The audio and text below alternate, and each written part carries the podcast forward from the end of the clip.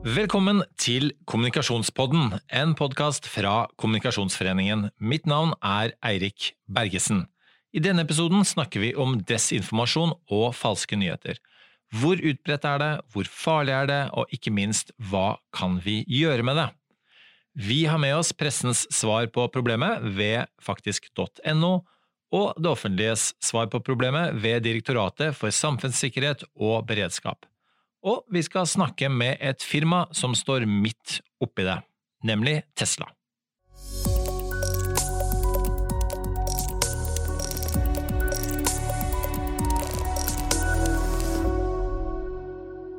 Da skal vi snakke om desinformasjon, og for å gjøre det har vi med oss eh, to som jobber veldig tett og aktivt med det, nemlig Kristoffer Ekeberg. Du er ansvarlig redaktør i faktisk.no. Velkommen i studio. Jo, takk. Eh, og så har vi med oss eh, Vi blir overvåket, vi blir lyttet til av DSB, Direktoratet for samfunnssikkerhet og beredskap. Der sitter du, Ørjan Karlsson, fagdirektør. Hei. Og nå ser vi deg på en skjerm her, vi ser at du, du lytter til oss. Så det er eh, ingen hemmelighet. Eh, vi begynner med deg, Kristoffer. Fordi eh, da faktisk.no kom, det var i 2016. Nei, 2017. det var 2017. Mm. Der ser du, jeg er i gang med å spre desinformasjon allerede her. Og hadde ikke du vært i studio, så hadde jo lytterne ja, hadde folk trodd det. fått ja. falsk informasjon. Ja. Men hvorfor Hvorfor var det så viktig eh, at dette kom? For Den første kritikken som var, var jo på en måte at hei, hvorfor har dere ikke holdt på med dette for alltid? Og det er jo faktasjekke deres egen eh, informasjon eh, og informasjonen i samfunnet. Mm, mm. Nei, altså det, er, det, er, jo flere ulike spørsmål. Det, det, som er interessant er at Vi driver jo med faktasjekk som er en journalistisk sjanger. og Den sjangeren handler jo ikke om det å sjekke saken før den kommer på trykk, men det er mer å sjekke de påstandene som allerede er der ute. Og, og Det i seg selv var vanskelig å kommunisere den gangen. Altså, Hva er faktasjekk? For dette er jo ikke kildekritikken som enhver journalist og kommunikatør skal ha i ryggraden fra før av, men rett og slett det å lage journalistikk på uh, dette fenomenet med hva er sant, hva er ikke sant, uh, og, og, som du nevner, desinformasjon. Ja, for dere måtte rett og slett, uh, dere ble møtt med falsk informasjon da dere skulle ja, man kan lansere si det sånn. falsk informasjon? Dere måtte I, bruke fall, mye tid på å fortelle hva dere gjør? I hvert fall mye fordommer, og kan du si nesten sånn kunne tendere til konspirasjonsteori rundt hva dette var for noe. Ehm, men du kan si utgangspunktet for faktisk eh, var jo den gangen i kjølvannet av bl.a. Eh, presidentvalgkampen i USA, hvor dette ordet, altså dette betegnelsen falske nyheter for alvor ble et allment ord. Altså husk at I 2017 så ble jo det faktisk årets nyord av Språkrådet. Det var et ord som veldig mange ikke hadde hørt om før valgkampen i USA. Eh, og Der så man jo veldig mange ulike former for desinformasjon fra alle sider. Det var bl.a. en landsby i, eller en by i Makedonia Makedonia, hvor du hadde mange ungdommer som rett og slett produserte falske nyheter, eller løgner, altså løgnfabrikker som vi kaller det. Eh, rett og slett bare for å få klikk til å, tjene annonsepenger. Og det gikk jo da på politiske nyheter om at paven støttet Donald Trump osv. osv. Og dette var jo nyheter som viste seg å bli eh, mer spredd enn ekte nyheter i USA under valgkampen. Når, når, når du nevnt tre begreper allerede. Altså Falske nyheter, desinformasjon og løgn. Ja. Kan du skille de litt? ja. Er det det samme? Eh, altså, det enkleste er bare å kutte ned til to. Feilinformasjon, som er oppriktig feil. Altså når man gjør feil. Journalister gjør feil, slurv, mangler. Eh, rett og slett man tok feil, leste en statistikk, statistikk eller forskning feil, eller rett og slett bare ja, rett og slett eh, eh dreit seg ut. Altså, Men, pressen er jo, er jo, på historiens kladdebok på mange måter. sant? Eh, nettopp. Og Noen ganger er man flinke, flinkere, og noen ganger er man ikke så flinke til, til, å si at det man sa i går var feil. Og Noen ganger så tror man på ting som viser seg å være feil, rett og slett. Eh, men så har du desinformasjon, og det er den hva skal si, bevisste, altså ondsinte. altså De som helt bevisst planter feilinformasjon. De som gjør det med viten og vilje, prøver å påvirke deg. Det er desinformasjon. Og Der ligger veldig mye av dette falske nyheter begrepet. Uh, årsaken til at jeg ikke liker falske nyheter som et begrep, er jo at det ofte ikke handler om nyheter i det hele tatt, og, og det blir ofte tillagt mediene. Uh, som at liksom, å, dette handler om falske nyheter, dette er noe mediene må gjøre noe med. Og Det er der vi ser eh, med forferdelse at dette er noe hele samfunnet er nødt til å gjøre noe med, fordi vi ser en utvikling som er ganske alvorlig, som faktisk truer demokratiet. altså truer hele samfunnsdebatten. Og hvis ikke vi gjør noe snart, så kan det være for seint. Falske nyheter er vel også sånn blir brukt av de som blir kritisert av media for å snu, enkle triks er at man bare snur det tilbake til media og sier hei, det er dere som driver med de falske nyhetene. Ja, man bruker Det Det er metoder vi kjenner igjen fra Donald Trump. Ja, man angriper kritisk journalistikk. Journalistikk man ikke liker, nyheter man ikke liker. Altså, Det ødelegger på en måte den debatten om det som er kjernepunktet, og det er fakta. Altså hva er sant, hva er ikke sant, hva vet vi, hva vet vi ikke. Og det er med en gang debatten går fra å handle til fakta til å handle mer om følelser og meninger, at du, du får en, en, en samfunnsdebatt som, som, sklir ut, og, og som vi ser en, ja, utvikler seg feil, feil vei. da. En, en, noen vil kanskje tenke at sånn har det alltid vært. Det har alltid vært uh, mye desinformasjon i samfunnet. Helt klart. Hvorfor tenker du at det er verre nå enn før? Nei, altså, noen ganger Ja. Uh, det er, jo rett og slett Ja, det er verre. Ja. Og det er jo pga. sosiale medier. Uh, altså, det har alltid vært propaganda. Det har alltid vært vært skal du si, falske nyheter, men muligheten til å produsere og spre falske nyheter er så uendelig mye enklere og billigere i dag. Hvem som helst kan gjøre det bare ved å ha internett og en mobiltelefon. Eh, og det pga. algoritmene eh, til de store medieplattformene som forsterker nettopp det jeg sier om følelser og engasjement fremfor fakta. Altså rett og slett er produsert for å få deg til å klikke bokstavelig talt. Så, eh, så, er omfanget og, og spredningen eh, mangedoblet bare i løpet av de siste årene. Mm. Altså, eh, vi, vi, har sett på noen, noen, tall også i forkant av dette, og ser at eh, altså nær halve befolkningen har sett eh, falske nyheter. Eh, og om de siste tolv månedene, om de har kommet over en usann eller falsk nyhet. Da sier 47 er det som sier ja, 42% sier vet ikke, og så sier 11% nei. Og den vet ikke-gruppen også, det sier vel kanskje mye om, måte, om usikkerheten som, mm. som, er der ute. Mm. Ja, og det, det, er jo, det, er jo, positivt at, at noen og 40% er bevisst og tror de har sett det. Eh, jeg tror kanskje at de, Den vet-ikke-prosenten er kanskje den viktigste. Eh, for det er folk som faktisk er, er, såpass usikre at de er bevisst på det. Og så er det 11 prosentene som ikke har sett det. Jeg kan garantere at de har sett det også. Men, men det viser jo at omfanget egentlig viser at 100 eh, blir utsatt for desinformasjon og falske nyheter. I hvert fall alle som er på sosiale medier. Eh, problemet vi ser, er at, eh, at, det er utrolig vanskelig å skille. Eh, det blir stadig vanskeligere å skille mellom hva som er sant og hva som ikke er sant. og folk trenger hjelp nettopp til å kunne navigere i den uoversiktlige og veldig veldig raske informasjonsstrømmen. Mm. I, i, I, hvert fall i Sverige så snakker man om folkeimmunitet. og Eh, på, en, på, en, måte så, så, jobber jo dere med å styrke immunforsvaret vårt eh, til, eh, mot, mot, desinformasjon. og i en tid hvor man flere og flere får utdannelse, vi har mer, mer og mer medier som, som, som dekker ting på en, på en, profesjonell måte. Og allikevel ser man dette fenomenet. Hvem er det som er mest utsatt for å, å tro på desinformasjon? Altså, I utgangspunktet så er det alle, men vi ser jo altså undersøkelser som Medietilsynet har gjort, eh, viser jo eh, en, eh, at, at, den største utfordringen ligger hos de eldre. Altså de fra 50-60 pluss. Eh, der er den digitale kompetansen eh, sviktende, for å si det mildt, og, man er særdeles utsatt. Og så er det barn og unge eh, som bruker nye medieplattformer, og som kanskje er veldig bevisst på teknikken, altså hvordan de betjener de, men som er mye mye mindre bevisst enn vår generasjon da, på kritisk mediebruk og kildebevissthet. Mm. Ørjan, du har vifta med i hvert fall én finger, og i hvert fall én gang her. Du er åpenbart har en del egne tanker rundt dette fra, fra DSB. Eh, hva, hva, tenker du om, eh, om den situasjonen som Kristoffer beskriver?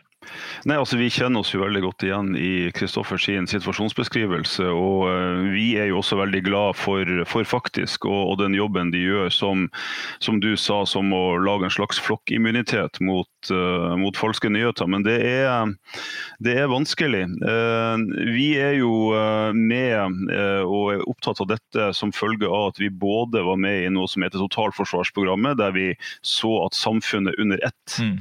hadde et behov for å, fremstå mer enhetlig også på, på, dette feltet, og der er vi en av aktørene.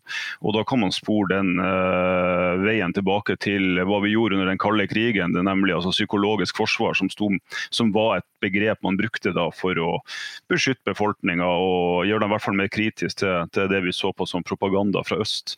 Og så dreier man jo litt propaganda fra vest mot øst også, men det er jo en del av, den historien, selvfølgelig. Eh, det andre er at vi også har uh, noe som heter egenberedskapskampanjen i, uh, i, DSB. Og i den har vi valgt å inkludere også den kall det gjerne beredskapen mot desinformasjon og falske nyheter. Så vi sier da at Uh, Enhver i, i, Norge er en del av Norges beredskap, også mot falske nyheter. og Det sier litt om, om det ansvaret vi håper hver enkelt uh, kan tenke seg å ta. da. Uh, og Jeg synes særlig covid-19 og den koronakrisa vi har hatt mm. nå, har satt veldig godt fingeren på akkurat dette. WHO sa jo allerede i februar at, at Eh, koronapandemien ble etterfulgt av en informasjonsepidemi av feilinformasjon. Eh, og Det viser jo bare det som jeg tror både jeg og Kristoffer har snakka om mange ganger før dette skjedde, nemlig at ved denne type hendelser, store kriser, så oppstår det et handlingsrom der ulike aktører, eh, og ofte med ganske ulik motivasjon, bruker dette til å så tvil, så mistillit, fremgive sine egne saker. Det kan være politisk, økonomisk eller av annen årsak. Men summen av dette, og det er jo dette som gjør oss uh, eh, bekymra, er jo at over tid så vil den type aktivitet også kunne svekke tilliten vi har til hverandre og tilliten vi har til myndighetene. Eh, sånn at det, er ikke en, det at det skjer en og annen feil eller desinformasjon her og der, isolert sett betyr neppe veldig mye. Det kan være irriterende og noen ganger delvis skadelig.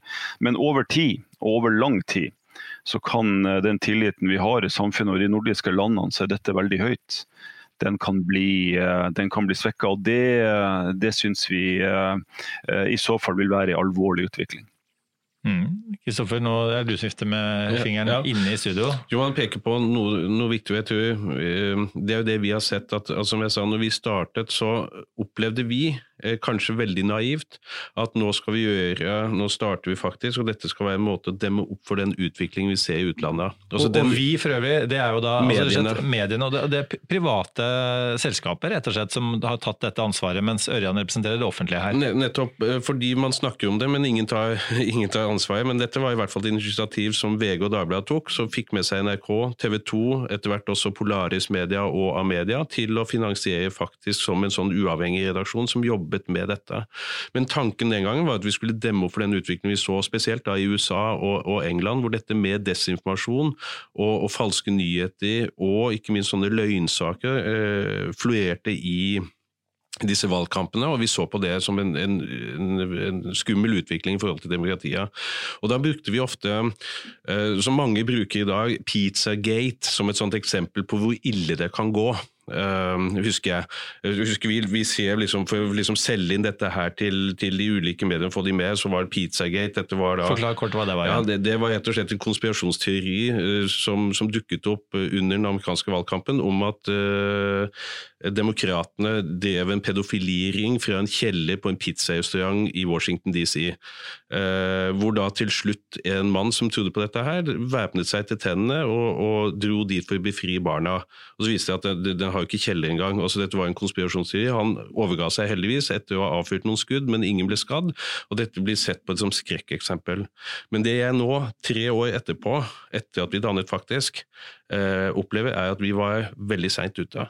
Denne utviklingen har for lengst kommet til Norge, og var der allerede. Vi var bare ikke klar over den. Vi, vi er i en andedam, både journalister og kommunikatører. Vi snakker på et helt annet plan, eh, og har faktisk ikke fått med oss denne utviklingen. Og det, det største skrekkeksempelet kanskje i verden på hvor ille det kan gå hvis du lar desinformasjon og falske nyheter florere, har jo allerede skjedd. Det er 22. juli i Norge. Og, og, det at det ikke slo oss allerede den gangen, eh, det, det, det, tenker jeg det skammer meg litt over, men det er noe hele samfunnet må skamme seg over. Fordi vi ser en, en utvikling i forhold til desinformasjon. Eh, spesielt på sosiale medier i Norge, som vi ikke har fulgt godt nok med og ikke tatt på alvor. Og Da kommer jo det som Ørjan snakker om. altså Hvordan skal vi som samfunn ikke mediene alene eller DSB alene, men hele samfunnet agerer mot den utviklingen. Jo, da må vi rett og slett eh, lage oss et, for å bruke et populært ord nå, et vaksinasjonsprogram. Eh, og jobbe sammen. For det, til syvende og sist så handler det om hva du og jeg som enkeltpersoner deler på sosiale medier og sprer videre. En annen ting er jo at uh, disse tiltakene må finansieres. altså det må brukes mye mer midler på nettopp dette å bygge denne kompetansen. Her eh, er det seniornett, her er det biblioteker, her er det skoler som skriker etter midler til nettopp denne type undervisningsopplegg, denne type eh, formidling. Og Det må finansieres et sted, og der mener jeg at staten må ta en, en, et mye større ansvar. I dag finansieres jo initiativer som faktisk av mediene og av Fritt Ord og Sparebankstiftelsen DNB, men hvor er staten når man skal finansiere dette i immunforsvaret mot falske nyheter. Kristoffer og Ørjan, dere skal få snakke mer om løsningene på desinformasjon og falske nyheter, både for de som mottar informasjon og vi som formidler informasjon. Men før det skal vi høre fra et firma som selv opplever å bli utsatt for falsk informasjon. Og aller først dette. Mitt navn er Harald Klungtveit, og jeg er redaktør i Filter nyheter. Vi konsentrerer oss om nyheter som de ikke kan lese om alle andre steder. I november i fjor avslørte vi f.eks. hvordan norske høyreekstreme hadde vært i kontakt med ledere i amerikanske terrornettverk. Denne typen artikler er ikke gratis å lage, og vi er avhengig av støtten fra dere lesere. Nettopp lanserte vi Filter magasin, og abonnementet koster bare 100 kroner.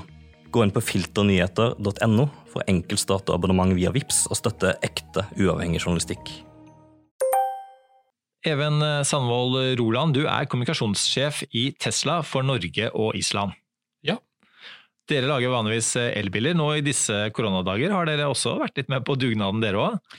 Ja, vi har, vi har, bidratt med det vi kunne, i, i, særlig i USA, hvor vi bl.a. Har, har jobbet med å lage respiratorer på, på fabrikken. Det er et veldig spennende ingeniørdrevet prosjekt hvor de faktisk har brukt kun bildeler eh, til å, til å lage respiratorer. Så det ligger en video på YouTube-kanalen vår hvis noen er nysgjerrig på det. Ganske fascinerende. Kanskje kommer respiratorer som sånn tilleggsutstyr på Tesla Teslaer fremover? For å være helt ærlig så håper jeg ikke at det behovet vil oppstå. Vi får håpe det.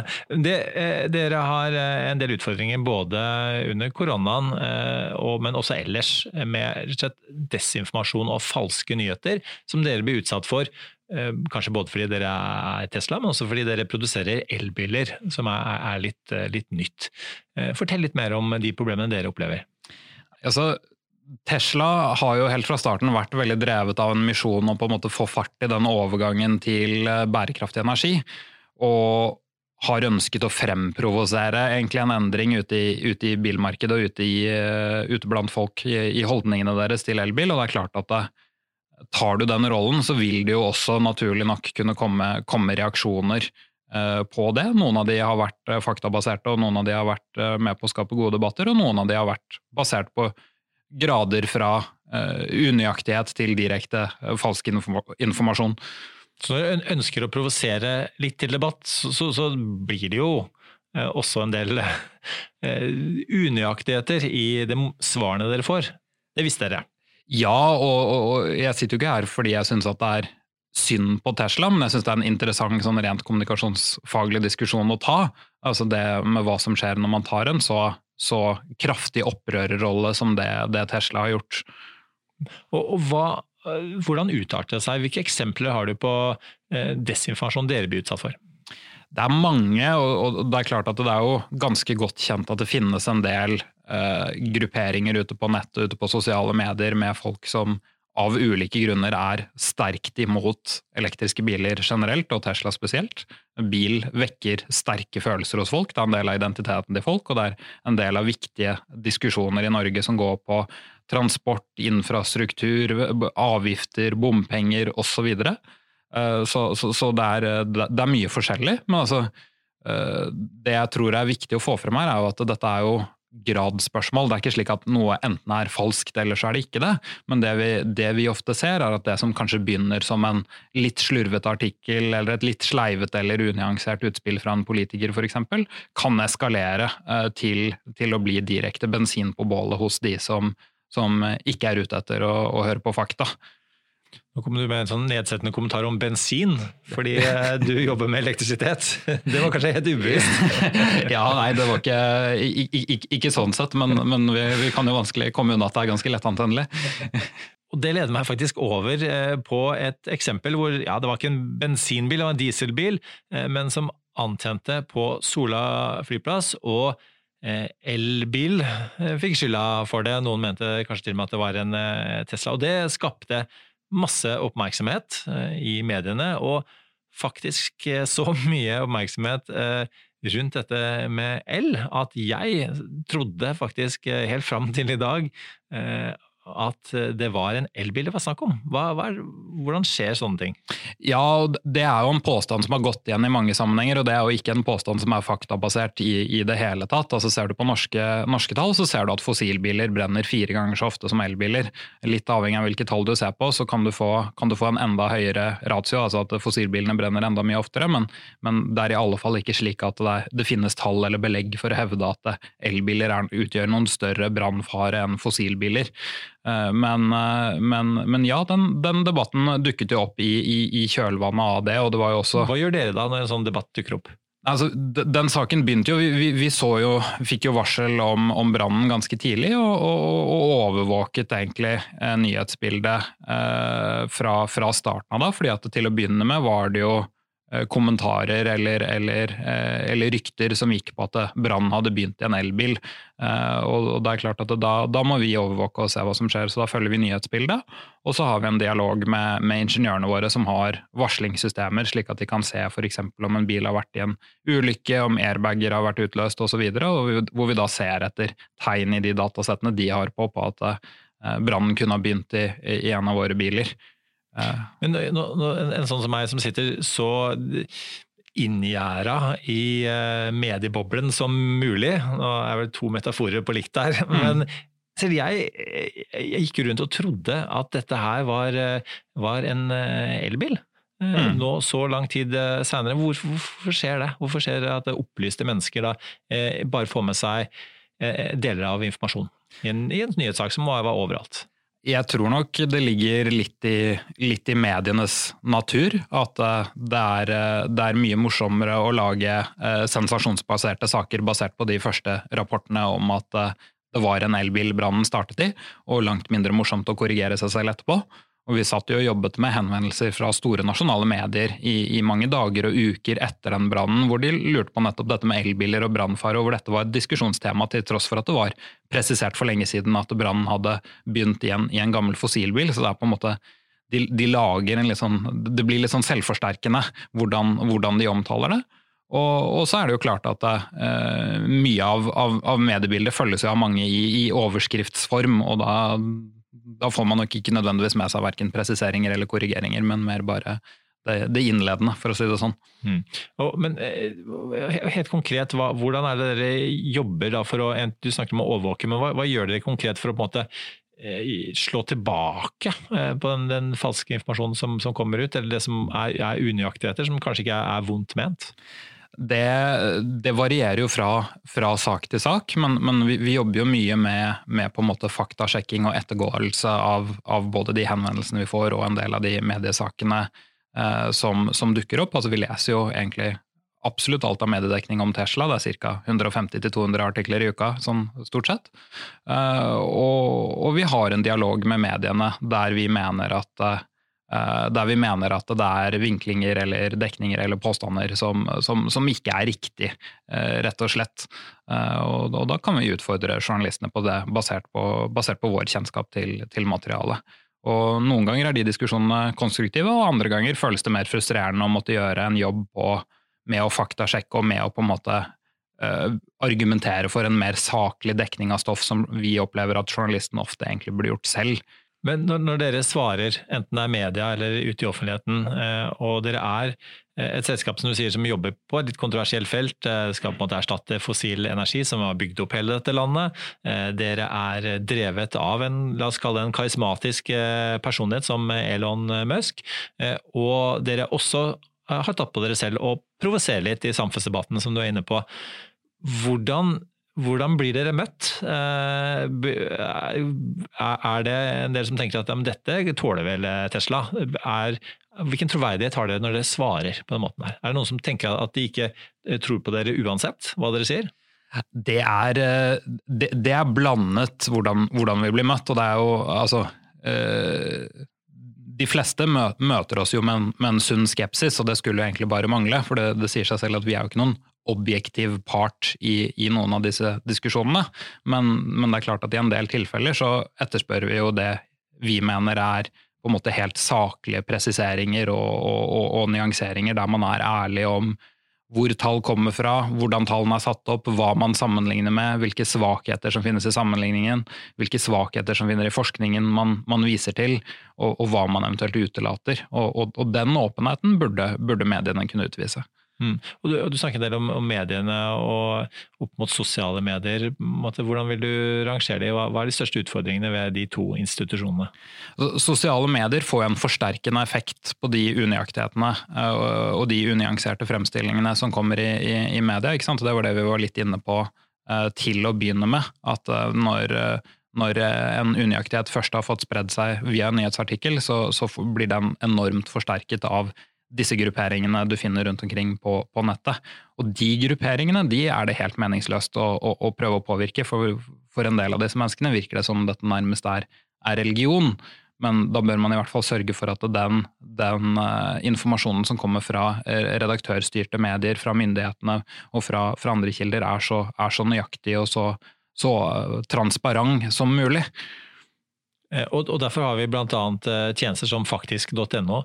Hvilken grad syns du det fungerer? Vi er veldig glad for at, eh, at den, den, tjenesten finnes, og de har jo flere ganger gått inn i elbilrelaterte diskusjoner og på en måte ryddet opp i en del unøyaktige og eller eh, direkte feilaktige påstander fra bl.a. Eh, politikere. Så, så, så, vi tror at de, de, de spiller en, en, en, viktig rolle i å være litt vaktbikkje. Mm. Tusen takk eh, skal du ha, Even Sandvold Roland i Tesla.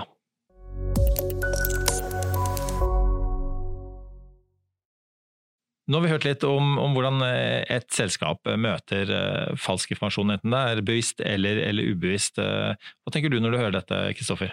Nei, Brannen på, på, Sola spesielt er jo et sånt klassisk eksempel som vi, vi uh, fulgte veldig tett. Og Den startet jo som en, hva skal si, en kommunikasjonsfeil, altså hvor operasjonslederen kommer med ubekreftede rykter. Altså det første tipset gikk på at brannen startet i en elbil, sa operasjonslederen på eh, TV, og dermed var det i gang. Og På under et døgn så handler alt internasjonalt om hvordan en elbilbrann, voldsom elbilbrann stanset eh, all flytrafikk i Norge, og havnet faktisk til slutt som en case for statsministeren, hvor hun ble beskyldt for å skjule sannheten. Jeg har spesielt én tweet her som Eh, som betegner det. Dette var døgnet etterpå. Myndighetene prøver å dekke over gårsdagens katastrofe på Sola lufthavn. Brannen startet i en dildobil, les Tesla. og på grunn av den og flere andre dildobiler så brant nesten halve parkeringshuset ned.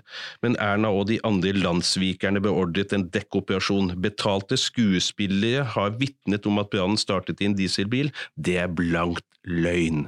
Ikke sant? Og det, Der har du konspirasjonen allerede, og den florerer fortsatt. Da vi kom eh, og snakket sammen før denne podkasten, så hadde jo ikke du engang fått med deg at denne brannen faktisk startet i en dieselbil. Ja, det var um det er riktig informasjon fra faktisk.no der. Helt enig i den påstanden, må vi kunne si. Nå er jo ikke Tesla her til å forsvare seg mot dildobilanklagene, men eh, hva er på toppen på din eh, to do-liste Kristoffer, eh, for samfunnet for å bekjempe desinformasjon? Ja, vi startet allerede med dette i fjor sommer med å ansette tre lærere faktisk, som nå driver skoleprosjektet Tenk, eh, som handler rett og slett om å bygge undervisningsopplegg eh, om eh, kritisk eh, mediebruk og kildebevissthet for ungdommer. og å få det ut i skolen, få det inn i pensum. Dette skriker jo skolene, eh, bibliotekene etter, og ikke minst seniorakademiene. Som jeg sa, eh, en like stor utfordring er den aldrende befolkningen, som har liten eh, si, digital kompetanse og lett blir offer, ikke bare for du skal si, den der politiske desinformasjonen, men også for ren svindel. Eh, mange av dere har sikkert fått med dere disse bitcoin-svindelsakene, eh, men det er sjokkerende mange som går på denne type svindel, som er en del av dette falske nyheter-segmentet. Eh, og, og det er der du sier hva er løsningen? Eh, vi kan ikke forby falske nyheter. Eh, altså, det er autoritært, vi kan ikke forby altså, det, det, det, går liksom det glir inn i dette med ytringsfrihet og demokrati. Facebook og Twitter er ute og har ulike måter å sensurere det på? Ja, eller sensurere eller opplyse folk om at det finnes mer informasjon. Men jeg tror det viktigste her er å gå på enkeltpersoner. Altså, vi, er, vi er nødt til og rett og slett bygge eh, kildekritikk og kompetanse hos befolkningen, sånn at hver og en av oss blir i større grad en, i stand til å, å, å, å oppdage og ikke la oss lure, men to, også advare hverandre det å være på en måte en god venn altså Vi har jo et slagord faktisk at venner lar ikke venner tro på usannheter. Og Det er jo hele poenget at hvis du og jeg blir flinke til å si ifra at vet du hva, det, det du deler der, det er tull. Og ikke bare det, men hvorfor det er tull. For det er jo hele filosofien bak faktasjekk, at det handler ikke om svaret.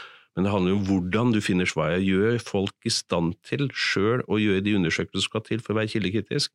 Da har vi kommet langt på vei. Mm. Eh, og hvem eh, er det som kan tenkes å ta et sånt overordnet ansvar på vegne av myndighetene? Dere har gjort det på vegne av, av mediene. Nå vifter jeg hodet i retning av Ørjan. Er, er, det så enkelt som at DSB må gjøre mer, Kristoffer? Jeg, jeg, tenker jo at uh, altså Man skal være veldig forsiktig der, men det vi mangler, er jo innsikt. Altså innsikt, studie, med kunnskap, med åpenhet rundt hvordan dette fungerer. Vi trenger noen som ser de spredningene, som kan hjelpe oss i å forstå fenomenet på en bedre måte, sånn at vi kan motvirke også de algoritmene som styrer den mediehverdagen. Og, og Ørjan, du, eh, du, nikker eh, der borte i, i, Tønsberg, i Direktoratet for samfunnssikkerhet og beredskap. Eh, er dette en utfordring dere, dere tar på dere, og på en måte eh, samordne myndighetenes svar på dette? Vi er i hvert fall en av de myndighetene som, som, har en del av det ansvaret. og Vi har jo et samordningsansvar som dere vet, på, på, på vårt nivå. Vi understøtter jo også Justisdepartementet. og ja, Hva betyr vårt nivå? Ja, altså du tenker mer på direktoratsnivå, altså de som eh, er mer utøvende i den nasjonale håndteringa. Og så rådgir vi de politiske sekretariatene i, i departementene. Uh, men uh, jeg er enig i det Kristoffer sier om at det er befolkninga som er nøkkelen her. Samtidig som eh, kommunikatører i, i, staten og også i de, en, altså i de eventuelle sivile virksomhetene som er truffet av en katastrofe eller en krise, har et kjempeproblem, spesielt hvis det er snakk om desinformasjon og falske nyheter. For det er det én ting staten ikke kan gjøre, så er det å gå ut med informasjon som vi ikke har fått verifisert. Og Det å verifisere informasjon, i alle fall informasjon som er viktig for hvordan befolkninga skal forholde seg til en hendelse, kan av og til ta tid. Og ganske ofte, spesielt innenfor det vi kaller for hybridkrig eller desinformasjon eller informasjonskampanjer, så er den vi ønsker å gi informasjon mot. Uh, ikke veldig opptatt av dette. Vedkommende kan bare slenge ut eh, det vedkommende har. Eh, noe som setter kommunikatørene i staten under voldsomt press. Man, man får liksom ikke samkjørt seg raskt nok. Også nå under covid-19 så har denne samkjøringa og uh, fellesbildet uh, på kommunikasjon vært mye bedre sydd sammen uh, på de ulike forvaltningsnivåene enn vi kanskje har gjort tidligere. Ørjan, du snakker om ulike forvaltningsnivåer, og som gammel byråkrat så elsker jeg å høre sånne resonnementer. Men dere sendte ut en manual for noen år siden til folk på beredskapet, og de skulle hamstre så og så mange knekkebrød og så og så mange hermetikkbokser osv det, det, skal ikke sende ut en manual på falske nyheter da, og så si dette og dette og dette må dere faktisk gjøre eh, for å bekjempe dette problemet. Ja, Det gjorde vi jo faktisk under eh, når rett i oppseilinga av covid-19. Eh, og Da sendte vi ut en brosjyre til, til fylkesmenn og kommuner som vi håpa at de kunne dele på, på sine sider med befolkninga på hvordan du skulle avsløre falske nyheter. Og, og Hovedbudskapet vårt var jo lik det som Kristoffer allerede har vært inne på, nemlig at falsk nyheter, desinformasjon, kan i verste fall gjøre den krisa vi står i verre, ved at personer tar feile valg eller ikke stoler på de som har den riktige informasjonen. Sånn at eh, vi gjorde det også. Eh, og så får vi se om dette får en større del av den egen egenberedskapskampanjen som vi har i årene fremover, men det er ikke umulig. Eh, takk for det, Ørjan. Og helt til slutt, eh, Kristoffer. Du holder jo kurs du, til og med i eh, Kommunikasjonsforeningen, i disse lokalene vi sitter nå. Hva, hva er de aller viktigste du sier til kommunikatorer for at de skal ta sin del av ansvaret her? Det er jo, som det også står i Kommunikasjonsforeningens etiske prinsipper, det er å gi så fullstendig informasjon som mulig uten at det går på bekostning av taushetsplikten, altså åpenhet. Åpenhet er alfa og omega. Det gjør det veldig lett også å faktasjekke, for man kan ikke faktasjekke anonyme kilder. Det er jo det gjerne man bruker anonyme kilder, og det er rykter og sånne ting, men er man åpne, så gjør man det også vanskelig å skape konspirasjoner rundt egen virksomhet. Uh, og så nummer to, kommunisere ærlig og tydelig og være åpen om avsender, rolle, metoder og bindinger. Og Der ser vi jo dessverre skrekkeksempler også i Norge på hvordan dette, denne gråsonen mellom kommunikasjon og PR uh, faktisk skaper vondt verre. Man hadde et eksempel fra fjor sommer på, med Innovasjon Norge og dette med tidløse sommerøy. Eh, som vi er ekstremt kritiske til. For det øyeblikket eh, vi som kommunikatører benytter oss av de samme virkemidlene som vi kritiserer andre for, Russland, løgnfabrikker eh, og andre som driver med propaganda, så gjør vi det mye vanskeligere for oss selv eh, i andre enden når vi skal si at jo, men vi har det sanne budskapet. Eh, så vi må for guds skyld ikke havne i en situasjon hvor kommunikasjon og PR gjør det lov å drive på en måte en slags eh, godhjertet, snill form for eh, falske nyheter, eh, fordi det på en måte målet hellige middelet, eller middelet hellige målet, da. Da er vi galt av sted. Da, da avslutter vi med å lage en liten manual for falske nyheter. Det finnes ingen forskjell på onde og gode falske nyheter falske nyheter er falske nyheter, og det, det uh, må vi slutte med. Det er åpenbart at du har lyst til å kunne sagt mye mer om dette, Kristoffer. Det kunne du også, Ørjan. Uh, og du skulle sikkert gjerne vært her i studio med oss og vifta enda mer aktivt med, med, fingeren, så jeg la merke til det. Men tusen takk eh, for at dere ga oss en skikkelig grundig gjennomgang på dette feltet. Dette var Kommunikasjonspodden. Mitt navn er Eirik Bergesen. I redaksjonen har jeg med meg Malin Sundby Revå og redaktør Mari Mellum. Tekniker er Tom Daniel Laugerud. Podkasten er laget med støtte fra Fritt Ord. Takk for at du hørte på. Husk å abonnere, og vi høres igjen neste uke. Du har hørt en podkast fra Kommunikasjonsforeningen. Les mer om oss på kommunikasjon.no.